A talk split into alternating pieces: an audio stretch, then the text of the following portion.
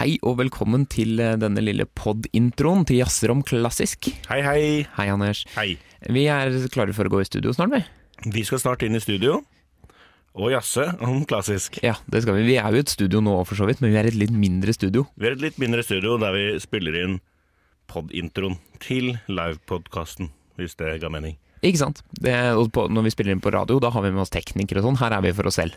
Ja, nå er det sånn hjemme alene. Det er hjemme alene-fest her. Ja. Ikke sant? Hva skal vi snakke om i dag, Anders? Vi tenkte å snakke litt om uh, urfremføringer i dag. Det er et spennende konsept. Ikke sant? Og hva er en urfremføring? For de ikke vet hva det er. Første gang et stykke blir spilt, basically. Det er premiere, kaller man det for på teater. Ikke sant? Ja. Det er så spennende. Hva er dine liksom, konsert... Uh, siden vi nå liksom er før uh, radiosendinga, hva er dine liksom, konsertforberedelser? Nå er det en time til du skal spille konsert. Hva gjør du da? Oi, da prøver jeg å gjøre En time før, da prøver jeg å gjøre minst mulig. Da Um, bare slapper du av. ja. eh, jeg prøver ikke å pakke opp klarinetten min for tidlig. Ah. Um, jeg vet ikke hvorfor, eh, men jeg, jeg liker å gjøre det ganske rett før, og da må jeg finne en flis. Vi klarinetister må finne en, Det en er sånn flis. klarinetting å finne flis. Ja. Så, så man, jeg prøver bare å ikke spille meg, spille meg mest mulig ned, holdt jeg på å si. Bare hvile. ikke snakke deg ned. Ja. Det går dårlig. Ja.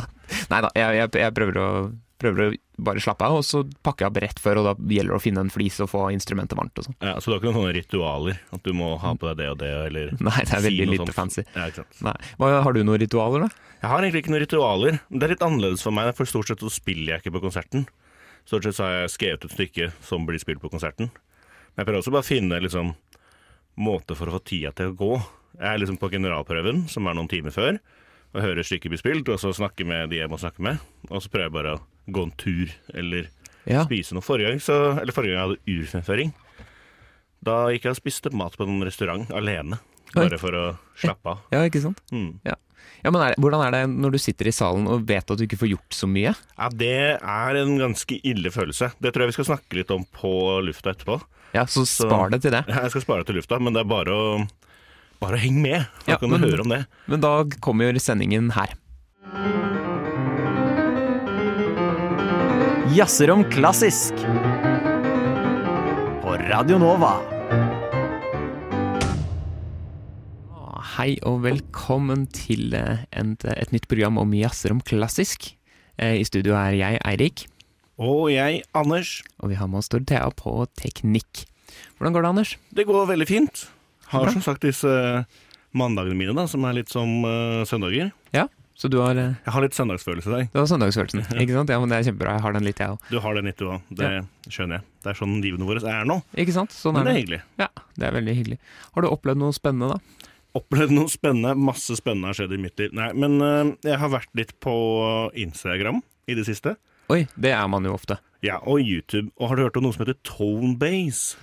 Nei, det har jeg aldri hørt om. Nei, det er en relativt ny greie, har jeg sett, som eh, ligger på liksom På YouTube, og men også Instagram, som er veldig sånn høykvalitetsvideoer. Det er masse forskjellige typer. Det er Tonebase piano, Tonebase cello, Tonebase fiolin. Og det Tonebase er, er en sånn derre læringsplattform for musikere. Okay. Det er masse sånne derre eh, mange anerkjente musikere som snakker om ulike ting. Og dette er veldig sånn Dette er ment for å treffe ekspertene, på de, altså musikerne. Det er sånn Ja, nå er denne cellisten skal snakke om hvordan du gjør dette på celloen, og hvordan du gjør dette skiftet og sånn. Men selv om jeg ikke spiller piano selv, veldig interessant. Jeg skriver for piano nå, så det er veldig interessant å bare se hvordan de snakker om piano. Ja, ikke sant? For, Og- ja. Ja, nei, det er utrolig høykvalitetsvideoer, altså. Så man, man kan lære om spesielle teknikker på forskjellige instrumenter? Ja, og så syns, ja, syns jeg altså På den pianogreia så har de også noen interessante videoer. Eh, som Her er en passasje som står markert sånn, men det er litt sånn uh, usikkert hvordan folk pleier å fremføre det. Um, uh, hvordan ville du spilt det? Så kommer det med masse eksempler. Dette var sånn Glenn Gold spilte det, og dette er sånn en annen pianist spilte det. Ikke det er veldig interessant. Ja, fordi at når du er komponist sånn som du er, så må du jo kunne ganske mye om hvert instrument. Ja, det er det vi må, vet du. Ja. Mm. Har du gjort noe spennende, Erik? Nei, jeg har registrert at Oslo, Oslo Nå skal jeg ikke si Oslo Filharmo- Filharmoniske Orkester. Nei. Jeg skal si Oslofilharmonien Ja. er på turné. De er på turné. Ja. Eh, Og det, jeg syns de er gode på Instagram. De har veldig bra Instagram- Instagram-game nå. Ja. Eh, og så har de altså både at de liksom eh, dokumenterer veldig bra, holdt på å si, eh, hva de gjør. Men de har også sånn takeovers, da. Så en musiker Ja, tar over Instagrammen for en dag. Dette er det vi gjør i dag, nå spiser vi lunsj her. Så får du liksom sånn du kommer bakpå. Eh, altså innpå musikerne. Ikke Ikke, bare det du ser på scenen, men hvordan de er bak stage. Ja, det er veldig kult. Det er veldig kult at de gir eh, Instagram-kontoen sin til eh, musikere. Mm, det er sant. Men de er 102 mennesker på tur. Så det, 102 mennesker. Det er altså Jeg jeg har jo sagt det før, men jeg jobber jo i uh, Oslo-filharmonien. Uh, og da jobber jeg liksom bak scenen og flytter ting. Og, og når vi skal turné, da er det sånn du må jo flytte hele orkesteret inn i sånne turnébusser og sånn, og det er jo et voldsomt opplegg, da. Ikke Eh, sant? det er mye instrumenter og sånn, og slagverk og sånn som skal med. Så det er, det er eh, en sinnssyk rigg å få med på turné. Ikke sant? Men du fikk ikke være med å rigge? Nei, altså de, de har- er jo ikke fast ansatt, så de pleier ikke å ta med ikke fast ansatte på den turen her. Det, Nei, ikke koster, sant. det koster mye penger, ikke sant. Det, det, det blir fort eh, veldig dyrt. Ja. Men eh, nå må vi eh, inn i en, en spalte Ja. som vi dessverre må ta fram. Mhm. Vi kjører en ringel. Dette ble vel ikke helt riktig. Det var vel ikke helt sånn det var? Ja, her må vi nesten beklage. Rett skal være rett. Ja, rett skal jo være rett, Anders. Det må dessverre det. Denne gangen er det du som har sagt noe feil. Denne gangen er det jeg som har sagt noe feil. Forrige gang eh, så snakket jeg om at eh, komponisten Dvorsak i sin niende symfoni skrev inn to tubastemmer da, han, eh, da de skulle på turné med Dvorsaks niende, da. Ja, Ehm, og grunnen til det var at han ikke ville at andre tubaisten skulle ligge med dama hans når de var på turné, var det jeg sa. ja. Og etter sending så får jeg en melding fra vår venn Erik Fredriksen, Ja, hvor det står Hei, hei, hei, hei! Ja, det står med capslock og utropstegn. jeg skjønner. er historien om to, to tubaer i et vårsak riktig, ja? Og da retter det meg at det var ingen tuba i stykket. Og så begynner tubaisten i orkesteret å få nært forhold til kona. Så skrev hun én tuba i symfonien, ikke to. Ikke to, nei. og da er det sånn at det, det kun er tuba i sånn tre toner. Og det er i åpningsakkorden og avslutningsakkorden i andre satsen. Og det er til og med en kilde her fra den troverdige nettstedet og kilden Reddit Ja, som kan bekrefte dette. At uh, det var én tubastemme.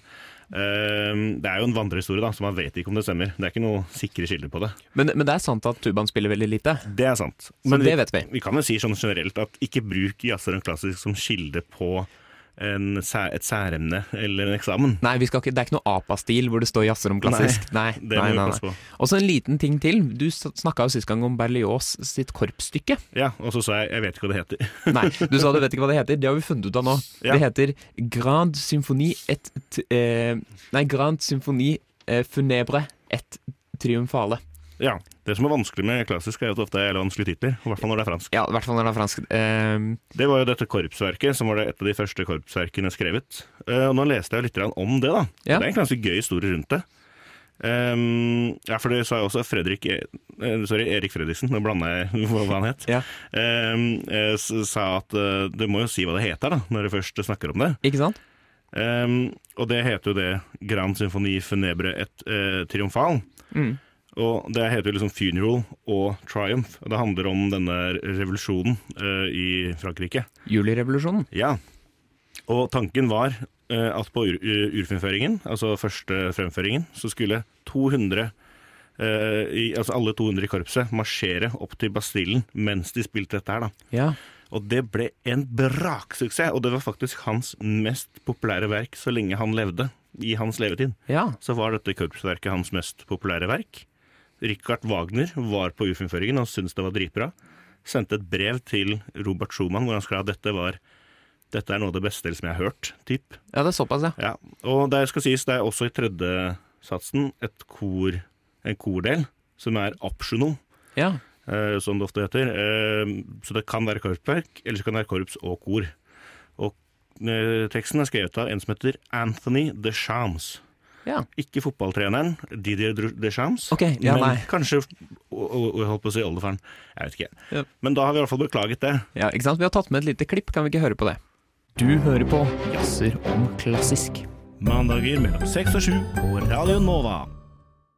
Ja, litt brå slutt der av eh, Grand Hva var det den heter? igjen? Grand eh, Eh, Den heter Grand Symphoni Funebre et Triomphal. Ikke sant, Mm. av Hector Berlioz. Jeg hørte at han, eh, at han egentlig ikke ville Han var ikke så fan av det var, Han fikk jo bestillingsverk. Ja, Han var ikke så fan av staten, da, holdt jeg på å si. Han var ikke så fan. han likte ikke staten. Nei, altså han, eller, Nei. Så han, så han, eh, så, men han fikk ganske mye betalt, da. Så da, Ja. da var det greit, da. Jeg skjønner. Nei, men nå syns jeg det var litt mye korps, så nå vil jeg snakke første litt, eh, bare for å gå videre. Vi snakket forrige gang om eh, Kim Kashkashian, Mm. bratsjisten. Eh, og etter det så fikk jeg et par spørsmål fra noen venner uh, som lurte på om det kunne være en fast spalte. Eller ikke, det var sånn, det var gøy om dere snakket om hva har Kim Kashkashian gjort siden sist, som faktisk er Keeping Up With Kim Kashkashian. Ja. Uh, og det sjekka jeg litt på, for jeg syns det var en god idé. ja. Men det er jævlig vanskelig å finne ut av, Ja. fordi hun har ikke Instagram. Nei, da blir det vanskelig. Da blir det vanskelig. Og når det står sånn Når, når- når jeg søkte på Kim Kashkashian, så kom det bare Kim Kardashian. Og så Ja. etterpå Kim Kashkashian Viola, og da kom det bare sånn ra random forslag på Instagram sånn Kim Kardashian Juicy Butt og sånn. Så jeg var sånn Nei, jeg finner ikke. Nei. jeg finner ikke. Nei, men hun gir jo litt mesterklasser, og, og, og det ligger noen YouTube-videoer og sånn ute, så det kan jo at hvis det kommer noe, så kan vi, kan vi si fra da. Ja ja, da kan vi si fra. Vi sier fra hvis det skjer noe med Kim Kashkashian. Ikke sant? Det er, vår, det er vårt samfunnsoppdrag, det. Eh, Ja, det er, det er viktig. Og så er det eh, Så har vi fått mange som har sagt dere må snakke om gitar. Ja, vi har, vi har fått et par. Eh, Det var Mange, jo, mange, ja. Eh, Vi har fått faktisk et par. Ja. Eh, to stykker. Vi har fått, det var jo Thomas som mente at vi må snakke mindre om orkester og mer om gitar. Ja, Det skal sies at forrige sending spilte vi faktisk ingen verker som har orkester. Nei. Eller orkesterverker. Vi, Vi spilte bare mye om orkester, men ja, Vi spilte kanskje noe strykeorkester, jeg vet ikke. Men Ja. ja. så var det vel en annen også som sendte melding og sa ja, du må snakke om gitar. Uh, og det skal vi gjøre nå. Ja, ikke sant? For gitaren er jo på en måte veldig viktig i den klassiske musikkhistorien. Men samtidig, det er liksom ikke det du tenker på først, fordi eh, når du tenker på klassisk, så tenker du orkester, og så tenker du strykekvartett og kanskje fiolin og sånn. Gitaren er litt som et noe litt annet igjen. Den får liksom ikke den oppmerksomheten den kanskje fortjener. Nei. For gitaren er veldig på jazz og rock og sånn siden. Og der får du veldig mye oppmerksomhet. Der får det veldig mye. Men klassisk gitar blir litt sånn glemt. Og det hadde jo Det har jo kanskje noe med også at det ikke er i de faste ensemblene, i orkester for eksempel. Ja, det er Jeg har jo en kompis, eh, eller jeg har flere kompiser som spiller gitar. Eh, og han ene han er veldig lei av hvis han er på byen, eksempel. 'Jeg går på Musikkhøgskolen.' Ja, hva spiller du? Gitar. 'Å, fett, jeg kan også spille gitar!' Jeg kan, Ja. altså, kan liksom spille noen akkorder. Ja. Men de spiller liksom eh, Han jeg kjenner, han spiller gitar på høyt klassisk nivå. Ja. De har jo liksom Og så har det litt annet repertoar enn oss òg, da. For vi har liksom repertoaret vårt Vi spiller øh, Jeg som cellist, da, spiller verker av liksom de kjente komponistene. Ja. Mens gitaristene spiller liksom av komponister du aldri har hørt om. De har Bach og folk du ikke har hørt om, stort sett. Eh, Å ja. Men jeg hadde jo en liten karriere som klassisk gitarist. Ja, du, du er jo klassisk gitarist. Nei, det, det vil jeg ikke skryte på meg. Jeg hadde det som eh, hovedinstrument på musikklinja en liten periode. Ja, du var nesten et helt år, og så bytta du. Det var ett år, og så bytta jeg til klarinett. Ja. Eh, Jeg kunne spille klarinett fra før, ikke, jeg ble ikke nybegynner da. Men, eh, men jeg hadde to instrumenter, og jeg spilte litt klassisk gitar. Ja. Eh, og, og jeg syntes egentlig det var, det var gøy, det. Men eh, Ja. det ble klarinetten på meg. Ja, ja. Men, eh, men det er et viktig instrument i den klassiske sfæren, og det har et par ganger så er den med i eh, orkesteret. Det er en symfoni av Mahler. Nå sier jeg med en gang, jeg husker ikke om det er 7. eller 8., jeg tror det er 8. Jeg gidder ikke ha en rettespalte neste gang hvis jeg Nei, sa ok, feil. ok, okay, ja. Og så er det også i en uh, Mozart-opera er det også en gitar- og luttstemme. Så de som er liksom gitarister profesjonelle, de blir ofte leid inn da, til disse eh, få gangene de faktisk er med i orkester. Ikke sant? Og gitarinstrumenter, som, altså ikke bare nødvendigvis den klassiske gitaren som vi kjenner den i dag, men forløperne til det. Mm. Eh, Barokkgitar eller lutt eller sånne ting. Det, har jo, altså det, det strekker seg jo kjempelangt tilbake. Mye lenger enn barokken, f.eks. Gitarlignende instrumenter. Ja, gitar er, det er vel et av de første liksom, instrumentene som finnes, nesten. Sånn det å spille gitar eller gitarinstrument og synge en eller annen vise. Ja, ikke sant? Det har man holdt på siden greken, Grekenland, holdt jeg på å si. Greske antikken. Ja, ja ikke sant? Men eh, det er jo, vi fikk tipsa om en plate. Ja, det var en som sendte oss en uh, melding om uh, Hør på denne plata, det er en ny plate som er kommet med gitarmusikk. Ja, og det er eh, en, en trio som heter eh, Union Guitar Trio. Ja. Og de har, der fant jeg at det stykket vi er så glad i, av Bach, ja. som er eh, et, et orgelstykke, som eh, vi har hørt på piano en del, Mhm. eh, og nå skal vi høre det for en gitartrio.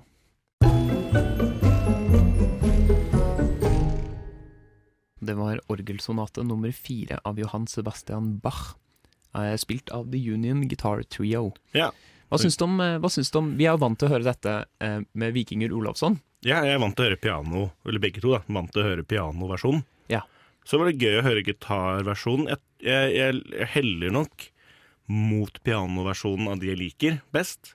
Ja. Men det er jo noe mer autentisk med gitaren, da. Det ligner mer på sånn, eh, sånn barokkstemning. Ja, det er akkurat det som slo meg og da jeg hørte den her. Så tenkte jeg det, den, den gir litt mer barokkfølelse, fordi at et moderne piano er så stort i klangen. Og, Ja. og Og det fantes jo ikke da Nei, Bach skrev disse sonatene. det ble jo skrevet, eller piano ble jo på en måte det moderne piano som vi kjenner det, kom mye senere enn Bach, da. Ja, det fantes jo piano Piano, men eh, noe som heter fortepiano, som er en sånn slags forløper. Som klinger annerledes, da. Ja, og Mm. så har du jo cembaloet, som er mer sånn knipseinstrument, og det er kanskje, eller sånn, den plukker strengene istedenfor hammere, som er på piano. Ja.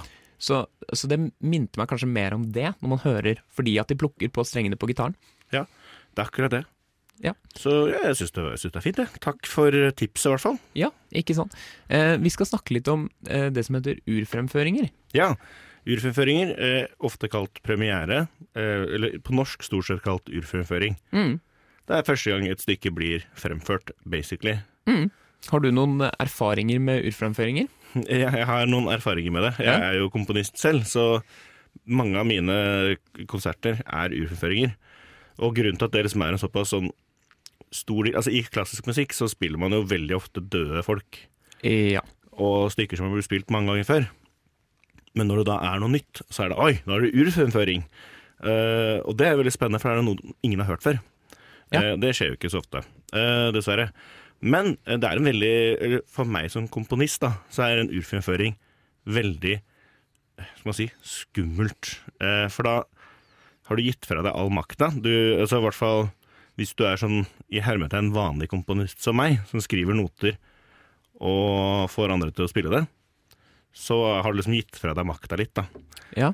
Og når du sitter da på konserten, så er det eh, mellom 50 og 300, da. Jeg kommer an på hvor mange som er på konserten. Opp mot 1000 da, hvis det er en orkesterkonsert. Mm. Som alle simultant sitter og bedømmer verket ditt, mens du sitter der sånn Ja, det er, det er, det er, jeg blir så stressa. Forrige gang jeg hadde en urfremføring, det var i um, mars i år, så Ja. var et orkesterverk. ja, der var jeg og hørte Der var du, ja. Eh, og et, eh, da liksom stykket ble spilt, det varte i ti minutter, og så gikk jeg på scenen og fikk applaus og sånn, og gikk tilbake og satte meg. Jeg var så jævlig sliten. Så jeg var sånn åh! Og da, det var helt, det, det, man blir så nervøs. Det låter kjempebra, og det var jo ikke ingen ringere enn Edward Gardner som dirigerte. Ja, sant det. Det var noe stor, gøy, det. Eh, Gjorde det deg mindre nervøs? Det i, på, faktisk på en måte, fordi vi hadde snakket så mye før. Altså Han er jo en veldig veldig kjent dirigent, så man skulle tro at jeg ble mer nervøs av det. Ja. Men han var så flink, og han hadde sagt at han likte det, og han jobba så bra med det. Så da jeg visste at jeg var i good hands der. ja, han kommer ikke til å, til å tukle til det der. Nei. Det jeg var litt nervøs for, var at eh, Jeg skal ikke eh, nevne instrumenter eller navn, men det var en musiker der som spilte feil en del ganger på prøven og generalprøven, som hadde en, et sted en stemme som var litt viktig. Ok. Eh, og da var jeg litt nervøs for at det kommer til å skje på konserten òg, men det gikk ganske greit. Ja. Og det skal også sies det er på en urforføring. Det er ingen som vet hvordan det skal klinge. Så Nei, mest sannsynlig så hører de ikke at det er feil. nei, ikke sant. Det er jo det er veldig ofte sånn. Men jeg har en eh, gøy historie, hvis du vil høre. Ja. Eh, da jeg hadde en urfinføring i Georgia, av alle steder. Oi. Jeg var i Georgia i 2018, tror jeg. Hmm. Eh, som er liksom et av mine kuleste eh. Fordi bare at jeg var i Georgia, var ganske fett. Ja. Det er, er ikke ofte jeg liksom har dratt til et land hvor alt er annerledes, liksom. Det, det føltes så rart å være der. Altså, du lander i Tyrkia, og så flyr du en time østover og lander i et land midt mellom fjellene. Som mener at de er i Europa, men de er ikke i Asia. Det er veldig, veldig spesielt. Ja. Og så var det alt Altså, det er, jeg kunne fortalt mye om denne turen, eh, men jeg vil fortelle om eh, Eller, det er ikke Urfremføringen var i en konsertsal som man er vant til. Ja. Eh, og det var, eh, det var for eh, åtte blåsere, og de spilte veldig fint, og jeg fikk eh, applaus og alt vanlig. Men dagen etter så skulle jeg spille stykket mitt på en bar. Oi. Så det er på en måte ikke urfremføringen, det var andre fremføringen. Men eh, det som var problemet da, i hermetegn, var at Eller jeg er veldig glad i når man trekker klassisk musikk til baren, der folk sitter og pilser og sånn, som en jazzklubb. Men stykket mitt var veldig pianismo, veldig rolig. Veldig sånn pustete. Sånn derre ja, det var liksom ja, veldig lite lyd. Men når da folk sitter og snakker Ingen som hørte noen ting. Og det var sånn, De hadde starta, dirigenten var satt og dirigerte, og det var ingen som hørte noen ting. Og så sånn to minutter ut i verket så var det sånn Å da, ja, der er det musikk her, ja.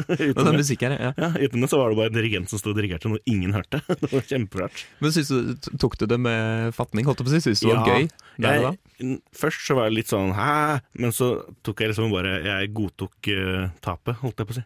Ikke sant? Eh, så jeg hadde jo hatt liksom Hvis det var den eneste fremføringen jeg fikk, så hadde jeg vært litt uh, skuffa. Men siden jeg liksom fikk en ordentlig en dagen før, Ja. så ja. Ja, men det, sånn må det nesten være. Mm.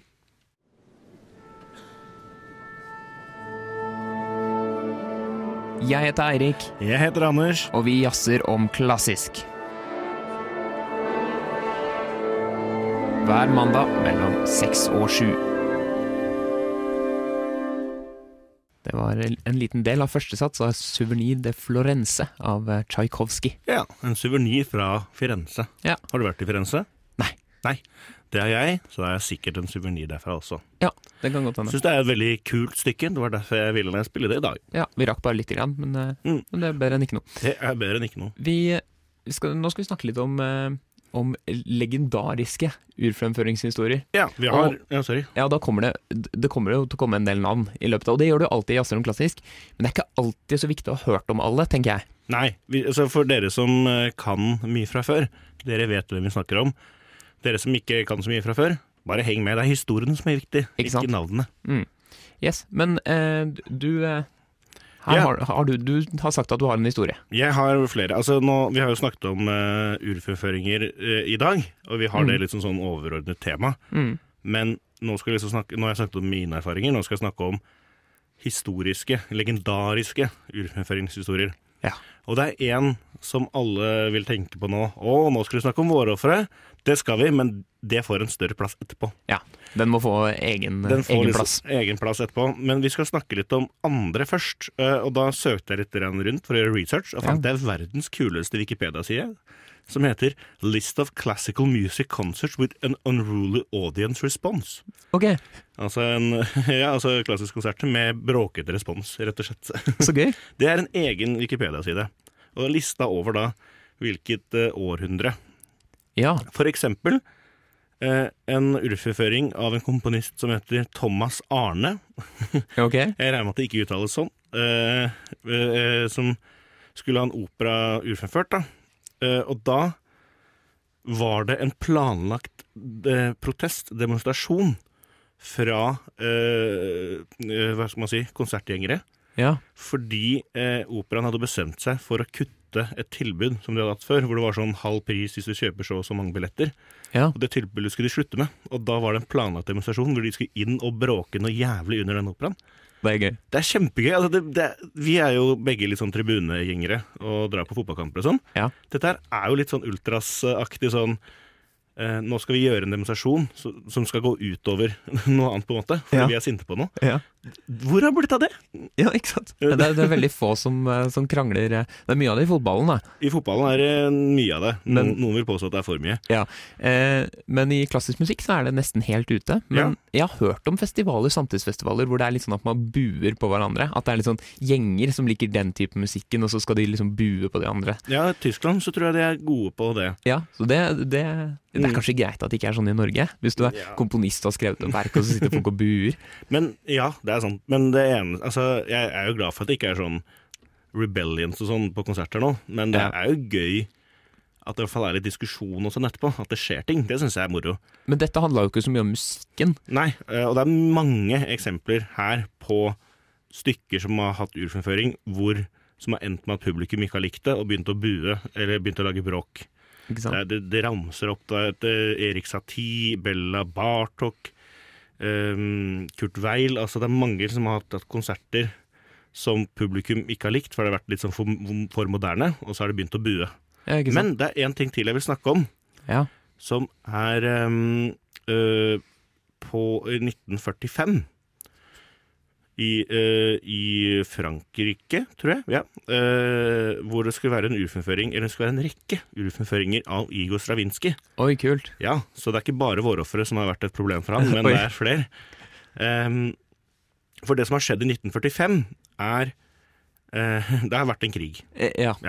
Bare for å ta en liten historisk bakhistorie. Og, og, og når da man skal begynne Under krigen det er, Dette er en lang, et stort tema, da, men i krigen så har tyskerne brukt mye av den romantiske musikken som propagandamaskin, altså en del av propagandamaskinen.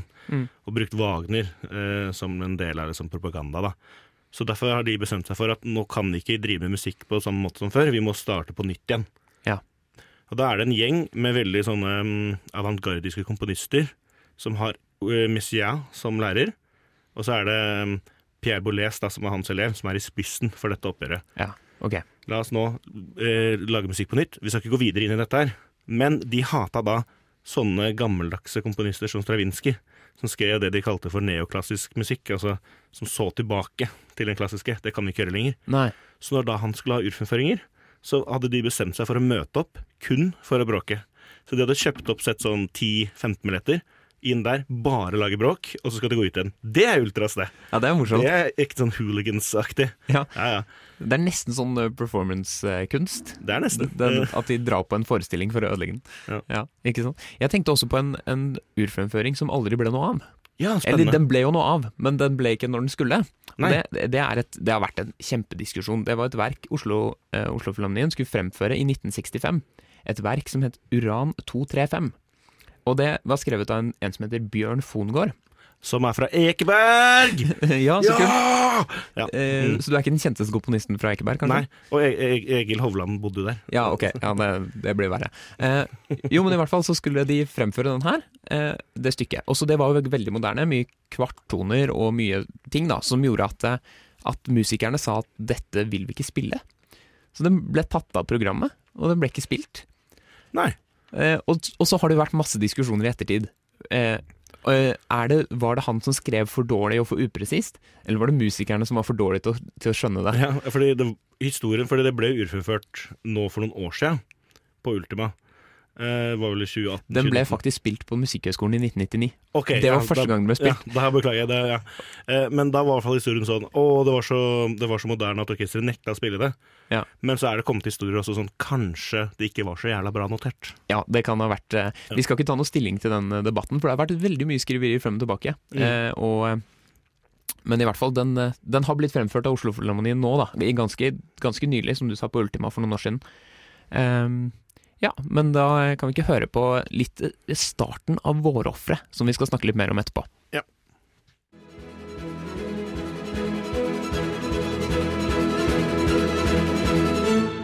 Radio Nova.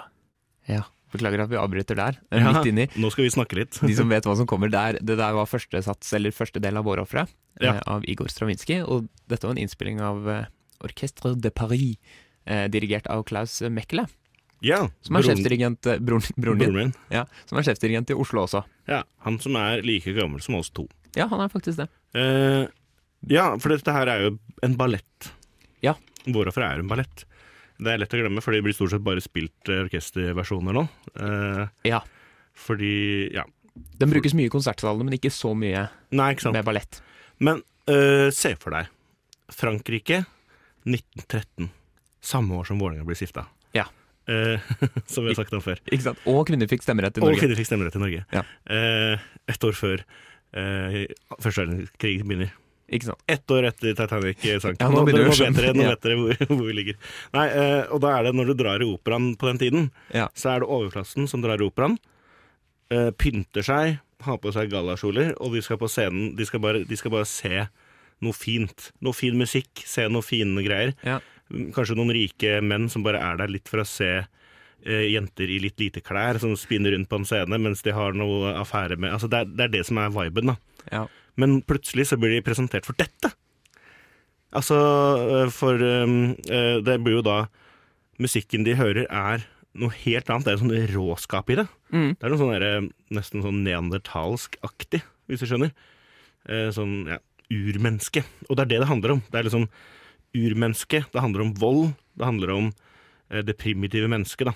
Som, eh, ja, eh, kjemper mot naturen. Og hele balletten handler om at de skal ofre en jomfru eh, til gudene. Og avsluttes med at en, en av balletterne danser seg selv til døde. Det er en ganske sinnssyk historie, Ja. men det er musikken som provoserer mest, da. Og når det da dette vi hørte nå, første del av uh, Vårofferet spilles, så begynner det å bli litt allerede her så begynner det å bli litt furore i salen. Folk er litt Ja. sånn Hva faen er dette for noe? Stemning. Ja, Ikke sant? Mm. Men, men allerede altså sånn fra, Ja. fra begynnelsen, For det, det vi hører- hørte nå? Ja, det høres liksom på starten sånn Dette er ikke det jeg ville Altså, når vi hører det nå, så syns ikke vi dette er så veldig Jeg syns det er fin musikk. ja. Ja. Dette har vi hørt i lenge, og så er det, det er litt sånn Det kunne vært um, Star Wars-filmmusikken der, liksom. Altså, ja, kunne nesten det. Dette er, jeg tror det er veldig få som syns dette er veldig, veldig vanskelig å høre på. Mm. Men eh, allerede der så begynner det å bli litt Og folk begynner å snakke sammen og sånn. Men denne salen er delt i to. Eh, I den ene delen av salen så er det disse overklassemenneskene som jeg snakker om. I den andre delen av salen så er det kunstnerne og bohemene. De Ja. som digger denne litt sånn rebelske greia. Så nå deles salen i to, hvor den ene salen er sånn 'dette er helt jævlig', og begynner å kaste ting på scenen og sånn. De kaster nøkler, de kaster tomater, og de kaster steiner. Hvorfor har folk med seg tomater og steiner på Ja, det lurte jeg på. Når du tar med deg tomat for, Ja. for at du mistenker at dette blir skikkelig dårlig. Det var visst en greie, da. At uh, tilfelle det blir dritt, så skal jeg ha en tomat. Ja? Men er det sånn at du går inn og på vei til, til operaen eller til balletten, og går inn i en butikk og tenker og nå skal jeg kjøpe en tomat, eller liksom Jeg tror disse var såpass rike at de ba tjeneren sin kjøpe et par tomater. Ja, ikke sant? eh, Ja. Som da lå klart når de kom eh, på operaen der. Men, men samtidig da, så er jo da andre delen av salen er der eh, og forsvarer det. Så der har du eksempel norske Pauline Hall. ja, hun var der. Hun var der, eh, og Debussy og Ravel. Alle syntes dette var dritkult. da. Ja. Og så nå eh, skal vi høre litt videre. Eh, neste del som kommer, nå begynner virkelig helvete. Men Ja. vi kan jo høre litt da, på hvordan den musikken høres ut. Du hører på Jazzer om klassisk. Ja, det var litt videre i vårofferet av Vigor Stravinskij. Ja, Og her begynner det å bli litt mer trøkk. Nå begynner det å bli trøkk. Vi var veldig opptatt i stad å definere hvilke år det ble urforført, 1913. Ja. Bare for å plassere det enda mer for lytterne. okay, ja. Så tenkte jeg bare å si eh, at Stavangers eh, norske bibliotekforening ble stifta det året. Okay. Og eh, hva skal vi se hva jeg fant her. Eh, Mary Phelps Jacob tar patent på BH-en. Så nå tror jeg folk vet som, hvilket år vi snakker om. Ja, da, nå begynner vi jo Ja. virkelig. Ja. Sorry, nei, jeg skal tilbake til det vi snakket om, som var ehm, Ja, fordi vi sa før dette ble spilt, at det var jo allerede litt begynte å bli litt sånn bråkete på første delen vi hørte. Mm. Men nå som denne harde delen, med masse disse harde akkordene og sånt kommer, så nå begynner det faktisk å bli opptøyer. ja. Det er et orkester på 100 musikere som spiller dritsterkt, men ingen hørte det fordi folk skreik og bua og begynte å slåss. Altså, det var så ille at folk begynte å slåss i salen. De som, de dekadente, altså, eller overklassen da, mot underklassen, begynte å slåss midt i ballettsalen. Politiet kom for å eskortere folk ut, og folk var sånn Ja, ja, vi møtes i morgen! altså, Se for deg sånn derre som man snakker om i hooligansmiljøet, sånn derre 5v5-aktig. Ja, ja, ja. Ja, vi møtes i morgen. Vi fem, dere fem, skal slåss. Altså, det var det, altså, helt sinnssykt, altså. Ja, Tenk å være så sint at liksom, vi møtes i morgen. Vi, Ja. vi, du setter deg i kalenderen og står opp dagen etter. Og, ja. Ja, ja, det er helt, da, da, faen, da hater du deg, ass. Det, hvis, hvis du blir så forbanna. Eh, og så var det jo eh, Altså, jeg tror Stravinskij syntes at dette var litt kjipt. For han har jo skrevet noe musikk han vil representere og synes Ja, var fin selv. Men Diaglev, han opera... Han, nei, ballett... eh, Hva heter det? Regissøren, eller? Ja. Ja. kommer ikke på ordet. Ja. Ja, regissør. Han, som han, han står jo bak liksom hele opplegget. Koreograf heter det. er Koreograf, ja. Han digger det. Han, dette er det han vil ha. Han vil ha skandale, Ja, ja, ja. for da blir det huska. Ja? Og han driver da og står og skrur lyset av og på for å i hermetegn roe ned gemyttene. Men han digger det jo, ikke sant. Ja. Og sier sånn eh, folk, Dirigenten er sånn Skal vi bare slutte å spille? Han bare Nei, nei, dere skal spille hele stykket! Så de spiller ferdig hele stykket, da, selv om det er slåsskamper og politi og sirener og alt sammen. da Det høres ut som en fotballderby. Det høres ut som en fotballderby, og det er jo en grunn til at dette er den Altså, det er en av de mest kjente historiene fra hva skal man si, klassisk musikken. da Ja. Og på en eller annen måte, Stravinskij ble veldig kjent, da, litt av dette også. Ja, for han var jo en superkjendis på 1900-tallet. Han var på forsiden av Time Magazine. Ja, intet mindre. Eh, ja. Dette var på den tiden hvor komponister ble kjendiser. på en måte. Og han var den mest kjente. Han, han lå jo med Coco Chanel, blant annet. Så det var liksom en sånn derre kjendiskapp Eller de var ikke kjendiskapp, vi var ikke sammen, for det var en affære, men det var liksom sånn Det var kjendisgossip, da, på 1920-tallet. Ikke sant? Ja, han var jo han var stor. Han var stor, ja. Ja. Nei, men, eh, så det er, ja, det er en helt vill historie. Ja, det, og, og Vårofra har blitt stående som liksom et av de største, eller kanskje det største verket, i Ja, hvert fall på 1900-tallet. det, ja. Ja, ja, er du gæren. Og det, Ja. og det er litt mye av denne, denne urfremføringshistorien. Jeg driver bare og tenker på om det er noe jeg har glemt, men jeg tror jeg har fått Nei. med det meste. Det viktigste er bare å få med seg ja, altså opptøyene slåsskampen. Og det som er litt artig, da, som vi kan avslutte med, er jo at hele balletten skulle handle om eh, hva skal man si, det voldelige mennesket, det naturlige mennesket, eh, på scenen. Men så ender det med at hele, hele liksom, salen begynte å slåss. Så var det sånn, kanskje de selv beviste egentlig hele det balletten prøvde å, prøvde å um, hva skal man si, kommunisere. da. Ikke sant? Og så skal jeg også si den fagottsoloen som var i starten, som vi hørte, hørte for litt siden. Mm. Den, er jo, den var jo skrevet innmari lyst. Så folk trodde jo Ja. nesten det var noe bo, ikke sant? At, Ja. at, og det, og det var, er visst, var visst da ganske vanskelig å spille. Ja, og nå er det jo, nå øver jo folk på det fra de er 14, så nå Ja. er det ganske lett. Ja, men, ikke sant? Så, men ja, og jeg tipper fagottene kanskje har blitt litt bedre sånn også siden da, kanskje. Ja. Jeg vet ikke. Nå sitter jeg bare og gjetter. Nå Men- sitter vi, vi, har jo fått, vi fikk jo litt hate fra noen fakultister fordi jeg sa at jeg ville kastet den ut av orkesteret hvis jeg måtte. Ja. Da fikk jeg et par meldinger, og en som var litt lei seg. Å nei. Eh, og da sa jeg men det, jeg liker egentlig for godt, eh, og her viser den seg fra sitt beste. Ikke sant? Ja, Beste. dette er jo, dette er jo det store, store nummeret til en, Dette er det store nummeret til en eh, ja, til en en fagott. Nå er ikke jeg bassist, men hvordan forhindrer du at fiolinen din blir stjålet? Putt den i bratsjkasse! Driver de med jazz, eller driver de med klassisk? Jeg skjønner ikke! Han er jo bare kødd med de klassisk-gutta. Du hører på Jazzer om klassisk. Yes. Vi begynner jo å nærme oss eh, slutten nå, Anders. Ja, vi har jo fått snakket en del om urfremføringer, da. Det har vi og gjort. forklart de litt kuleste historiene rundt det, syns i hvert fall vi. Ja. Det er mange flere vi kunne snakket om, sikkert. Vi kunne sikkert hatt masse sendinger om bare det. Ja, ja, ja. Ja. Men vi må jo holde oss litt i kinnet òg. Ja, Og så kan vi spare litt til andre ganger òg. Vi kan spare litt.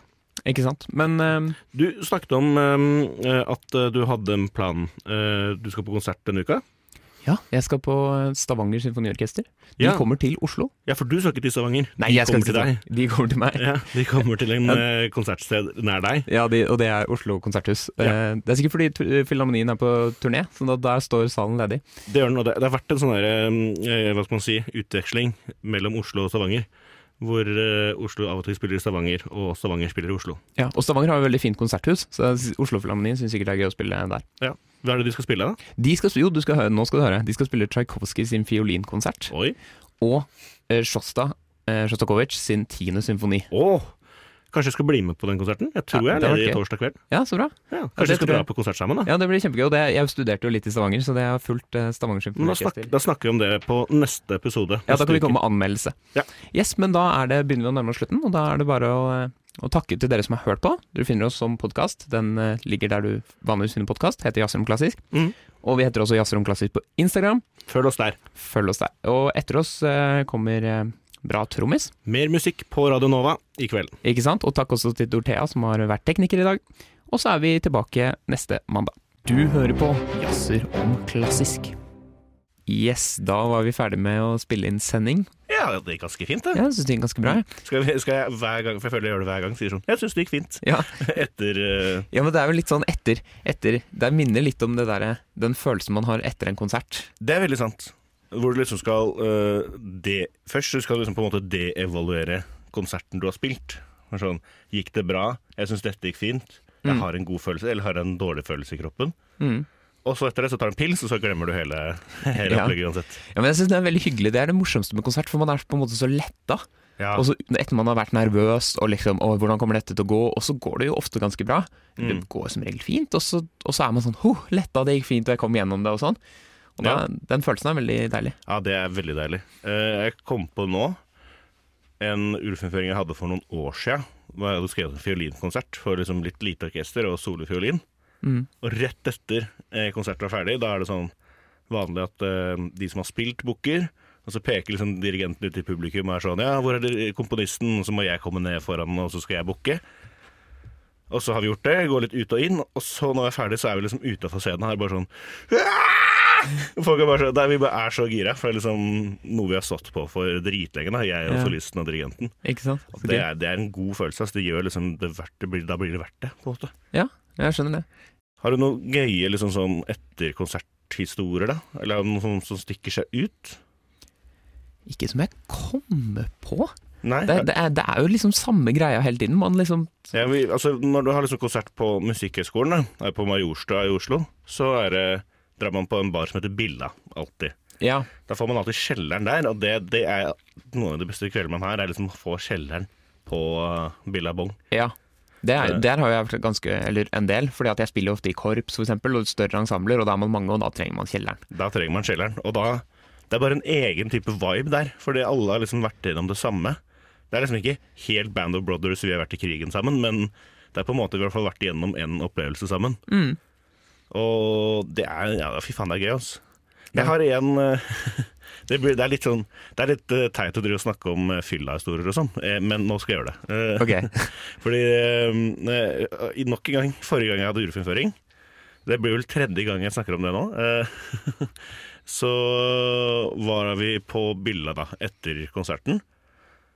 Og så dro vi videre, og så var det, endte det opp med en sånn kveld hvor man er ute til klokka tre.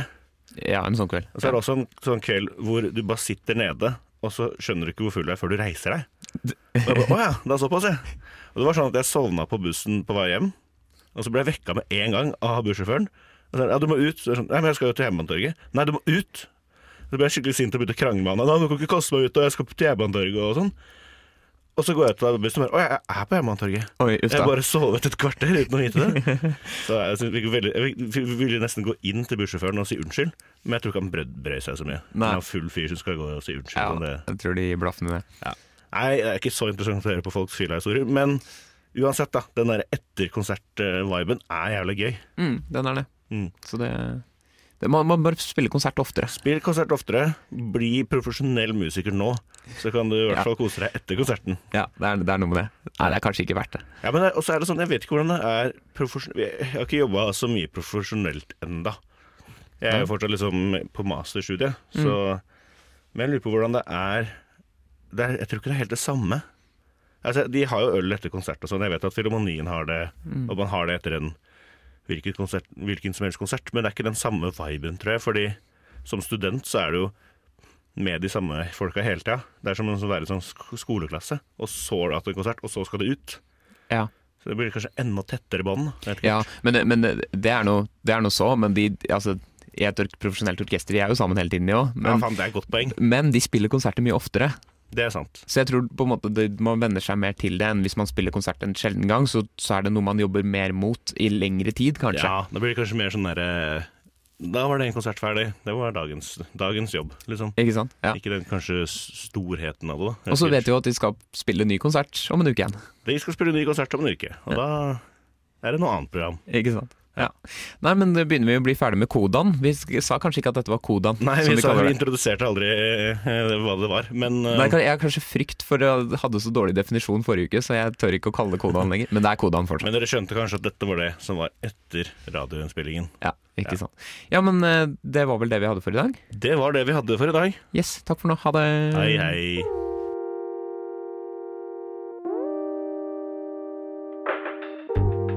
Du har hørt på en Radio Nova-podkast. Finn flere podkaster på radionova.no eller på din foretrukne podkasttjeneste.